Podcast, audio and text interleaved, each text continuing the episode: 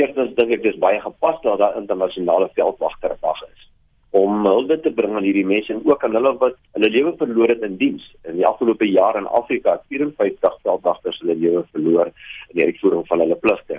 Die veldwagters soos ons hulle vandag ken, moes 'n transformasie ondergaan in die wêreldsin van die woord toe ons hulle omskep het in teenstropingseenhede.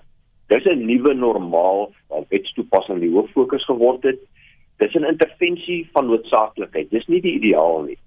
En was so goed ontvang en aanvaar deur hierdie mense. Hulle is nie supermense nie, maar hulle het 'n superhouding.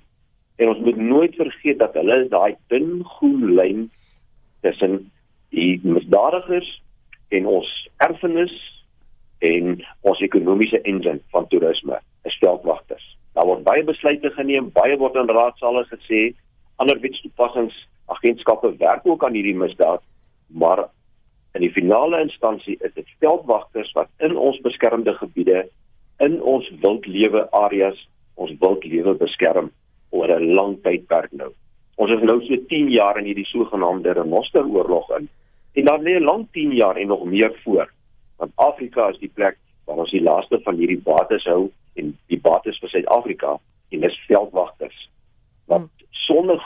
akklamasie nie baie sigbaar het voortgaan om hierdie uitmuntende werk te doen. Uh, want eh, 'n uh, veldwagter se werk is nie in 'n kantoor nie, is ook nie van 8 tot 5 nie. Dis nogal 'n moeilike en uitdagende plek om te werk. Beslis. Ek veldwagters met die verandering van die rol met die transformasie na teenstopingseenhede uh, is dit paramilitêr. Dis nie militêr nie. Ons opereer nie soos die militêr nie. Ons pas sekere militêre tegnieke toe en dit gaan gepaard met blootstelling, met nuwe tegnieke, met lang ure met daai nagte in in die bos sonder dat iemand dit weet.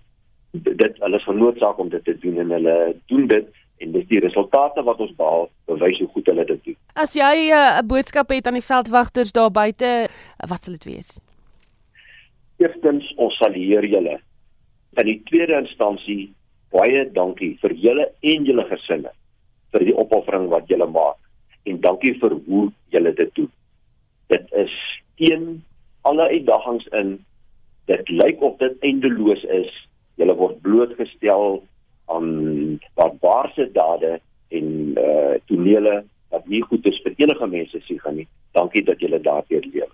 Ons kyk altyd na die die fiskale, die ekonomiese, die monetêre koste van hierdie eh uh, misdaad, omgewingsmisdaad. Ons vergeet daar's 'n menslike koste. Daar's 'n koste vir die vir die stroopers wat gewerf word as 'n koste vir gemeenskappe en langsparke en as 'n groot koste, 'n menslike koste verbonde aan die gesinne van veldwagters wat nou moes leer lewe met hierdie spanning, met hierdie blootstelling, met die risiko. En ek sê weer dit lyk of dit 'n eindeloos is vir enige so so gesin.